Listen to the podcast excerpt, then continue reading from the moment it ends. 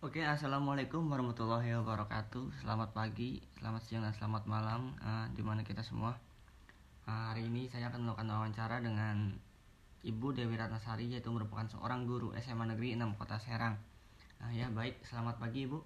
Pagi. Uh, hari ini saya ingin bertanya, uh, gimana sekolah Ibu sekarang? Sekarang baru selesai pembagian raport ya untuk semester ganjil. Alhamdulillah sudah selesai dengan berbagai macam uh, lika-liku lah tentang kepembelajaran daring pada saat semester kemarin. Berarti tahun depan masih daring Bu? Apa gimana?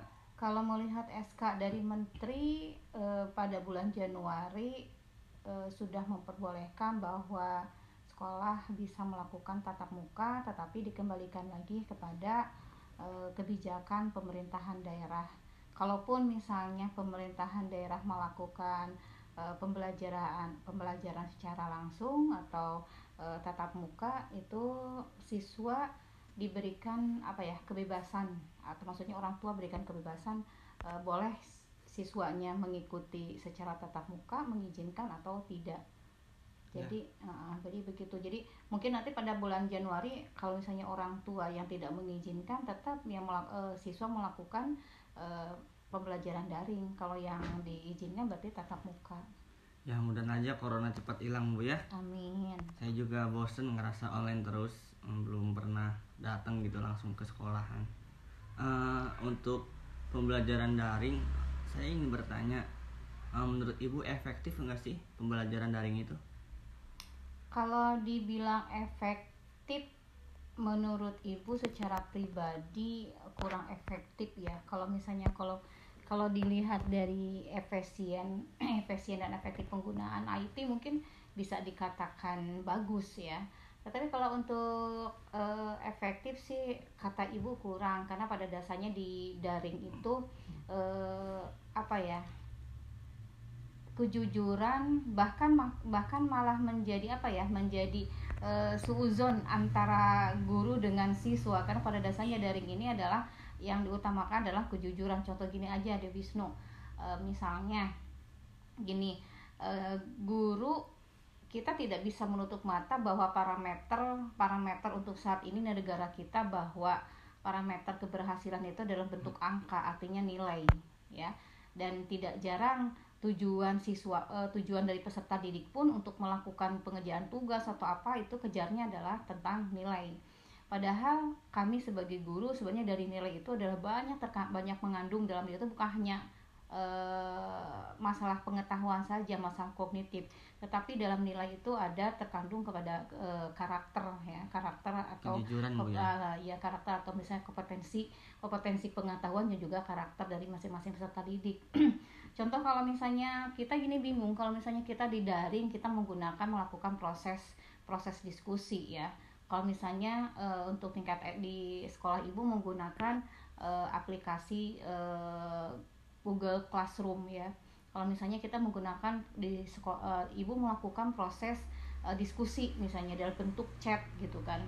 Itu itu sangat sangat sangat di, uh, di dikira mau efektif gitu kan ya ibu ngambil ya di share dulu misalnya di di GC ya di Google Classroom itu sebelum sebelum pembelajaran di share dulu materinya siswa diberikan kesempatan untuk membaca materinya dan kemudian nanti kita buka uh, sesi sesi uh, apa diskusi tapi pada saat sesi hmm. diskusi itu ya kembali lagi mungkin pada tatap muka juga sama kalau diskusi itu ada siswa yang aktif dan tidak aktif. Tapi kalau tatap muka kan tidak kita tahu mana yang aktif dan tidak aktifnya kelihatan. Tapi kan yeah. waktu di pas saat di kita secara daring dan kita tidak kelihatan kita tidak tahu yang aktif yang mungkin yang aktif e, mungkin saja. Kalau di tatap muka tidak aktif dia ada di kelas gitu kan kelihatan. Tapi kalau misalnya di di di daring kan ak, di mereka tidak aktif tuh buat eh, nggak e, tahu dia tidur atau misalnya mungkin cuma hanya uh, absen saja ya kecuali kalau misalnya kalau menggunakan uh, Zoom ataupun Google Meet juga sama mereka suka menutup uh, apa kamera ya dengan dengan uh, apa off cam uh, ya? on cam gitu. Jadi ya gitulah. Jadi sebenarnya itu yang menjadi permasalahan pada saat daring. Berarti uh, pembelajaran dilakukan secara daring itu tentu ada dampaknya baik itu positif maupun negatif bu ya?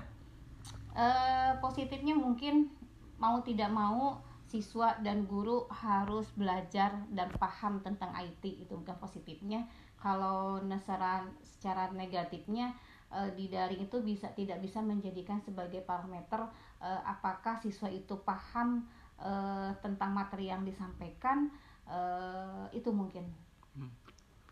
terus apakah ada dampak yang dapat memengaruhi pembelajaran daring bagi anak bu? Uh banyak banyak pengaruhnya. Hmm ya pengaruhnya eh, yang penting itu adalah yang paling besar ke pengaruhnya itu adalah kejujuran ya.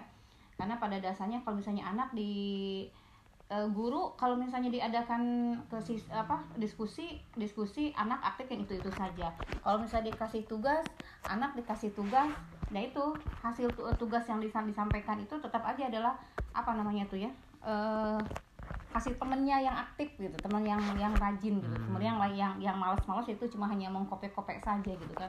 Dan kemudian banyak yang kopas lah jadi internet atau apa. Jadi ya itulah e, tentang ke apa ya kekurangannya pada saat pembelajaran daring dan ini bu uh, kan jika pembelajaran dilakukan secara daring anak-anak kan biasanya merasa bosan gitu bu ya karena harus duduk berdiam di depan laptopnya masing-masing uh, usaha apa yang ibu lakukan agar anak-anak tersebut tidak bosan dengan pembelajaran daring? Uh, sebenarnya kalau misalnya untuk itu makanya ibu suka ada uh, proses pembagian waktu ya. Contoh misalnya di pem, uh, di pembelajaran ibu ada 100 apa 100 menit ya. Nah, 100 menit itu dibagi-bagi gitu. Uh, misalnya untuk absen 10 menit, untuk untuk memahami materi sekian, kemudian ada pembukaan diskusi gitu. Kemudian uh, selain itu ibu suka membuka sebelum pada saat pada saat pembelajaran uh, digunakan chat-chat atau apa ya uh, semacam bahasa-bahasa yang semacam kalau Sunda mah tata rucingan lah gitu ya. Hmm. yang bikin yang bikin mereka tidak boring gitu.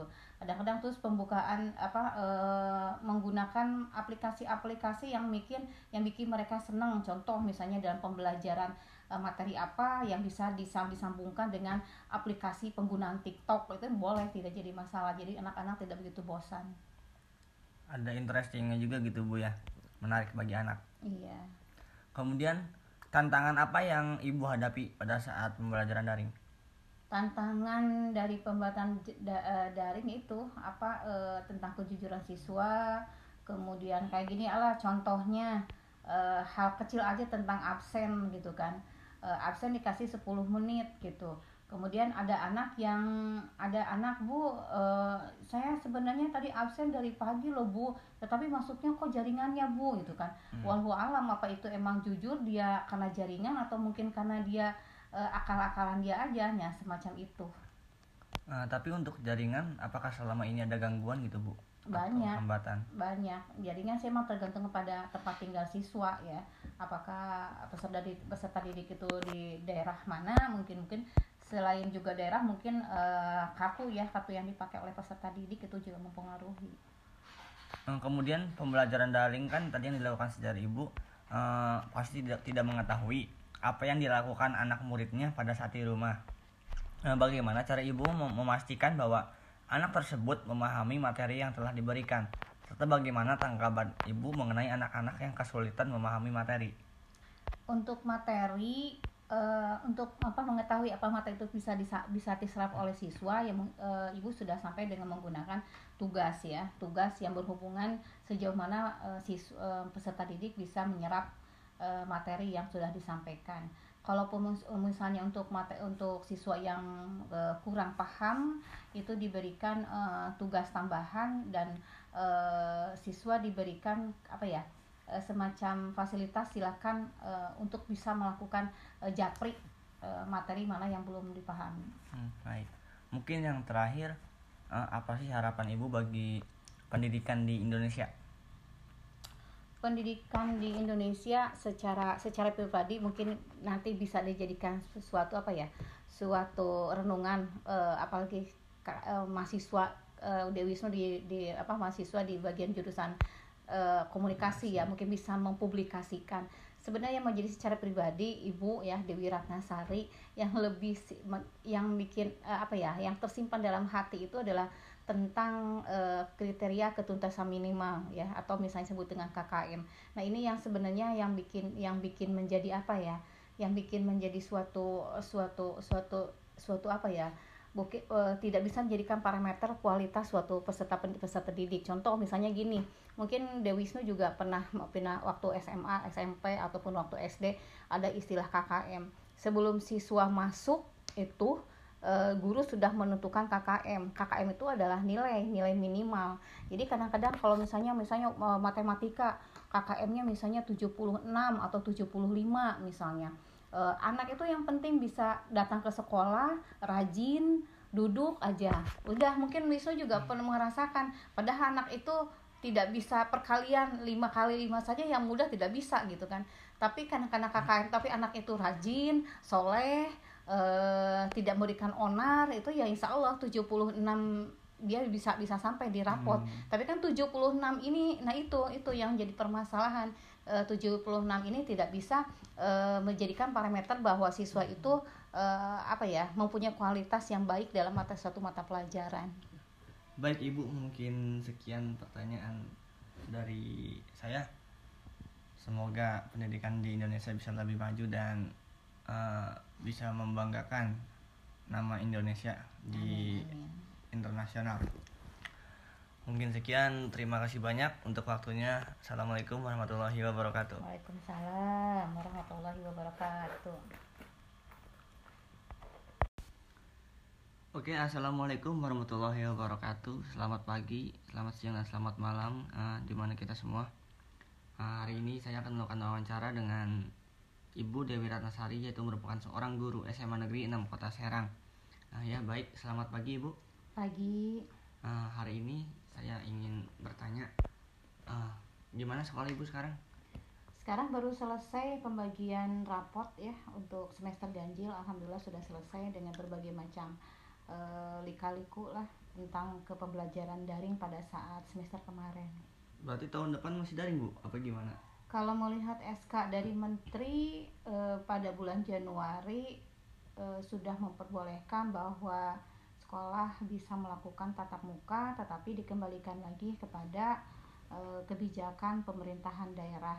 Kalaupun misalnya pemerintahan daerah melakukan eh, pembelajaran pembelajaran secara langsung atau eh, tatap muka, itu siswa diberikan apa ya kebebasan atau maksudnya orang tua berikan kebebasan e, boleh siswanya mengikuti secara tatap muka mengizinkan atau tidak jadi ya. uh, jadi begitu. Jadi mungkin nanti pada bulan Januari kalau misalnya orang tua yang tidak mengizinkan tetap yang melak, uh, siswa melakukan uh, pembelajaran daring. Kalau yang diizinkan berarti tatap muka.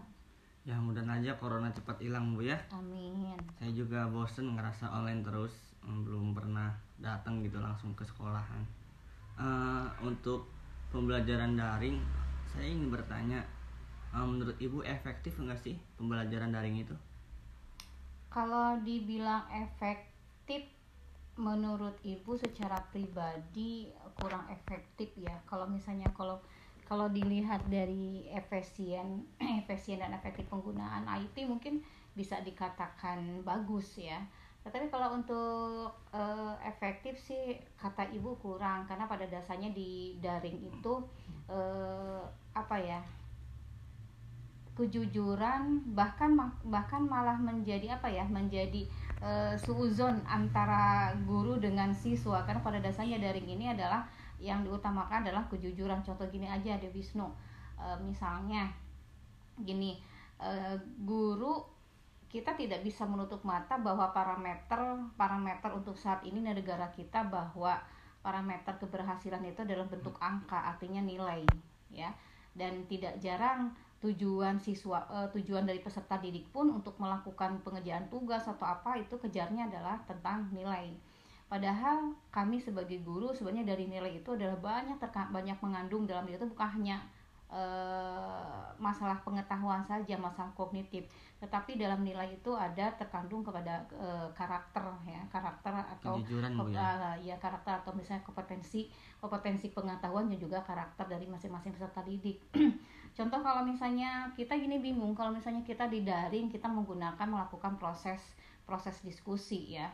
Kalau misalnya uh, untuk tingkat di sekolah ibu menggunakan uh, aplikasi uh, Google Classroom ya.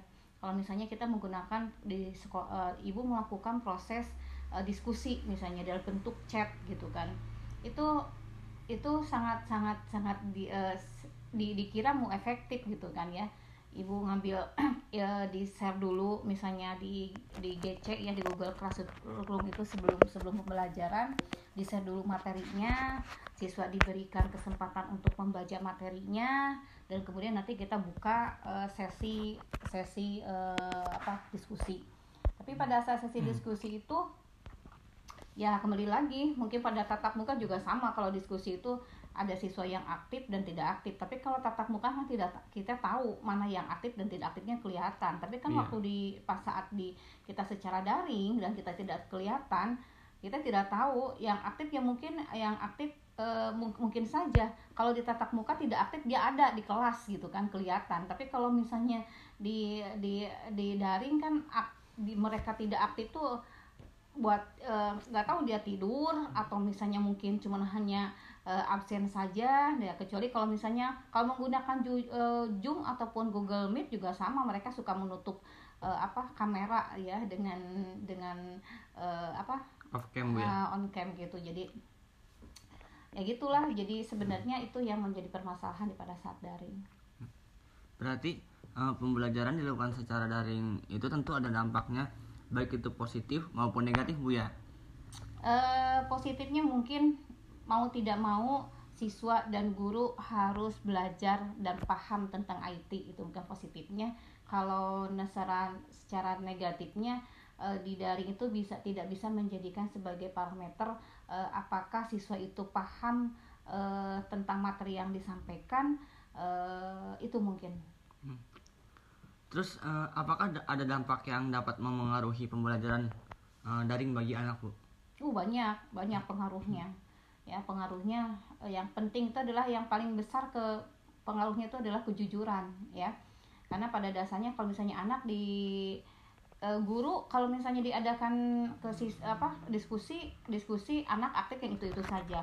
Kalau misalnya dikasih tugas anak dikasih tugas nah itu hasil tugas yang disampaikan itu tetap aja adalah apa namanya tuh ya e, kasih temennya yang aktif gitu teman yang yang rajin gitu. Hmm. kemudian yang yang yang malas-malas itu cuma hanya mengkopek-kopek saja gitu kan. Dan kemudian banyak yang kopas lah jadi internet atau apa jadi ya itulah e, tentang ke apa ya kekurangannya pada saat pembelajaran daring dan ini bu uh, kan jika pembelajaran dilakukan secara daring anak-anak kan biasanya merasa bosan gitu bu ya karena harus duduk berdiam di depan laptopnya masing-masing. Uh, usaha apa yang ibu lakukan agar anak-anak tersebut tidak bosan dengan pembelajaran daring? Uh, Sebenarnya kalau misalnya untuk itu makanya ibu suka ada uh, proses pembagian waktu ya. Contoh misalnya di pem, uh, di pembelajaran ibu ada 100 apa 100 menit ya. Nah, 100 menit itu dibagi-bagi gitu. Uh, misalnya untuk absen 10 menit, untuk untuk memahami pemat e, materi sekian kemudian ada pembukaan diskusi gitu. Kemudian uh, selain itu ibu suka membuka sebelum pada saat pada saat pembelajaran uh, digunakan chat-chat atau apa ya uh, semacam bahasa-bahasa yang semacam kalau Sunda mah tata rucingan lah gitu ya hmm. yang bikin yang bikin mereka tidak boring gitu. Kadang-kadang terus pembukaan apa e, menggunakan aplikasi-aplikasi yang bikin yang bikin mereka senang contoh misalnya dalam pembelajaran e, materi apa yang bisa disam disambungkan dengan aplikasi penggunaan TikTok. Itu boleh tidak jadi masalah. Jadi anak-anak tidak begitu bosan. Ada interestingnya juga gitu bu ya. Menarik bagi anak. Iya. Kemudian tantangan apa yang ibu hadapi pada saat pembelajaran daring? Tantangan dari pembelajaran eh, daring itu apa e, tentang kejujuran siswa kemudian kayak gini ala contohnya e, hal kecil aja tentang absen gitu kan. E, absen dikasih 10 menit gitu kemudian ada anak yang ada anak bu uh, saya sebenarnya tadi absen dari pagi loh bu. Tetapi masuknya kok jaringannya bu gitu kan. Hmm. walau alam apa itu emang jujur dia karena jaringan atau mungkin karena dia uh, akal-akalan dia aja ya semacam itu. Nah, tapi untuk jaringan apakah selama ini ada gangguan gitu bu? Banyak. hambatan? Banyak. Jadinya saya memang tergantung kepada tempat tinggal siswa ya. Apakah peserta didik, peserta didik itu di daerah mana mungkin mungkin selain juga daerah mungkin uh, kartu ya kartu yang dipakai oleh peserta didik itu juga mempengaruhi. Nah, kemudian pembelajaran daring kan tadi yang dilakukan sejarah ibu uh, pasti tidak tidak mengetahui apa yang dilakukan anak muridnya pada saat di rumah. Nah, bagaimana cara ibu memastikan bahwa anak tersebut memahami materi yang telah diberikan? Serta bagaimana tanggapan ibu mengenai anak-anak yang kesulitan memahami materi? Untuk materi uh, untuk apa mengetahui apa materi itu bisa disa, bisa diserap oleh siswa yang uh, ibu sudah sampai dengan menggunakan tugas ya. Tugas yang berhubungan sejauh mana uh, siswa, uh, peserta didik bisa menyerap uh, materi yang sudah disampaikan. Kalaupun misalnya untuk materi untuk siswa yang uh, kurang paham itu diberikan uh, tugas tambahan dan uh, siswa diberikan apa ya uh, semacam fasilitas silakan uh, untuk bisa melakukan uh, japri uh, materi mana yang belum dipahami. Hmm, baik. Mungkin yang terakhir uh, apa sih harapan ibu bagi pendidikan di Indonesia? pendidikan di Indonesia secara secara pribadi mungkin nanti bisa dijadikan sesuatu apa ya suatu renungan uh, apalagi uh, mahasiswa uh, Dewi Wisnu di, di apa mahasiswa di bagian jurusan uh, komunikasi ya mungkin bisa mempublikasikan sebenarnya yang menjadi secara pribadi ibu ya Dewi Ratnasari yang lebih yang bikin uh, apa ya yang tersimpan dalam hati itu adalah tentang uh, kriteria ketuntasan minimal ya atau misalnya sebut dengan KKM. Nah, ini yang sebenarnya yang bikin yang bikin menjadi apa ya? Yang bikin menjadi suatu suatu suatu suatu apa ya? Buki, uh, tidak bisa menjadikan parameter kualitas suatu peserta peserta didik. Contoh misalnya gini, mungkin Dewisnu juga pernah pernah waktu SMA, SMP ataupun waktu SD ada istilah KKM. Sebelum siswa masuk itu uh, guru sudah menentukan KKM. KKM itu adalah nilai, nilai minimal. Jadi kadang-kadang kalau misalnya misalnya uh, matematika KKM-nya misalnya 76 atau 75 misalnya. Uh, anak itu yang penting bisa datang ke sekolah, rajin, duduk aja. Udah mungkin Wisnu juga hmm. pernah merasakan padahal anak itu tidak bisa perkalian lima kali lima saja yang mudah tidak bisa gitu kan tapi karena karena KKM tapi anak itu rajin soleh uh, tidak memberikan onar itu ya insya Allah 76 dia bisa bisa sampai di rapot. Hmm. Tapi kan 76 ini nah itu itu yang jadi permasalahan. Eh, uh, 76 ini tidak bisa uh, menjadikan parameter bahwa siswa itu uh, apa ya, mempunyai kualitas yang baik dalam mata satu mata pelajaran. Baik Ibu, mungkin sekian pertanyaan dari saya. Semoga pendidikan di Indonesia bisa lebih maju dan uh, bisa membanggakan nama Indonesia di internasional. Mungkin sekian, terima kasih banyak untuk waktunya. Assalamualaikum warahmatullahi wabarakatuh. Waalaikumsalam warahmatullahi wabarakatuh.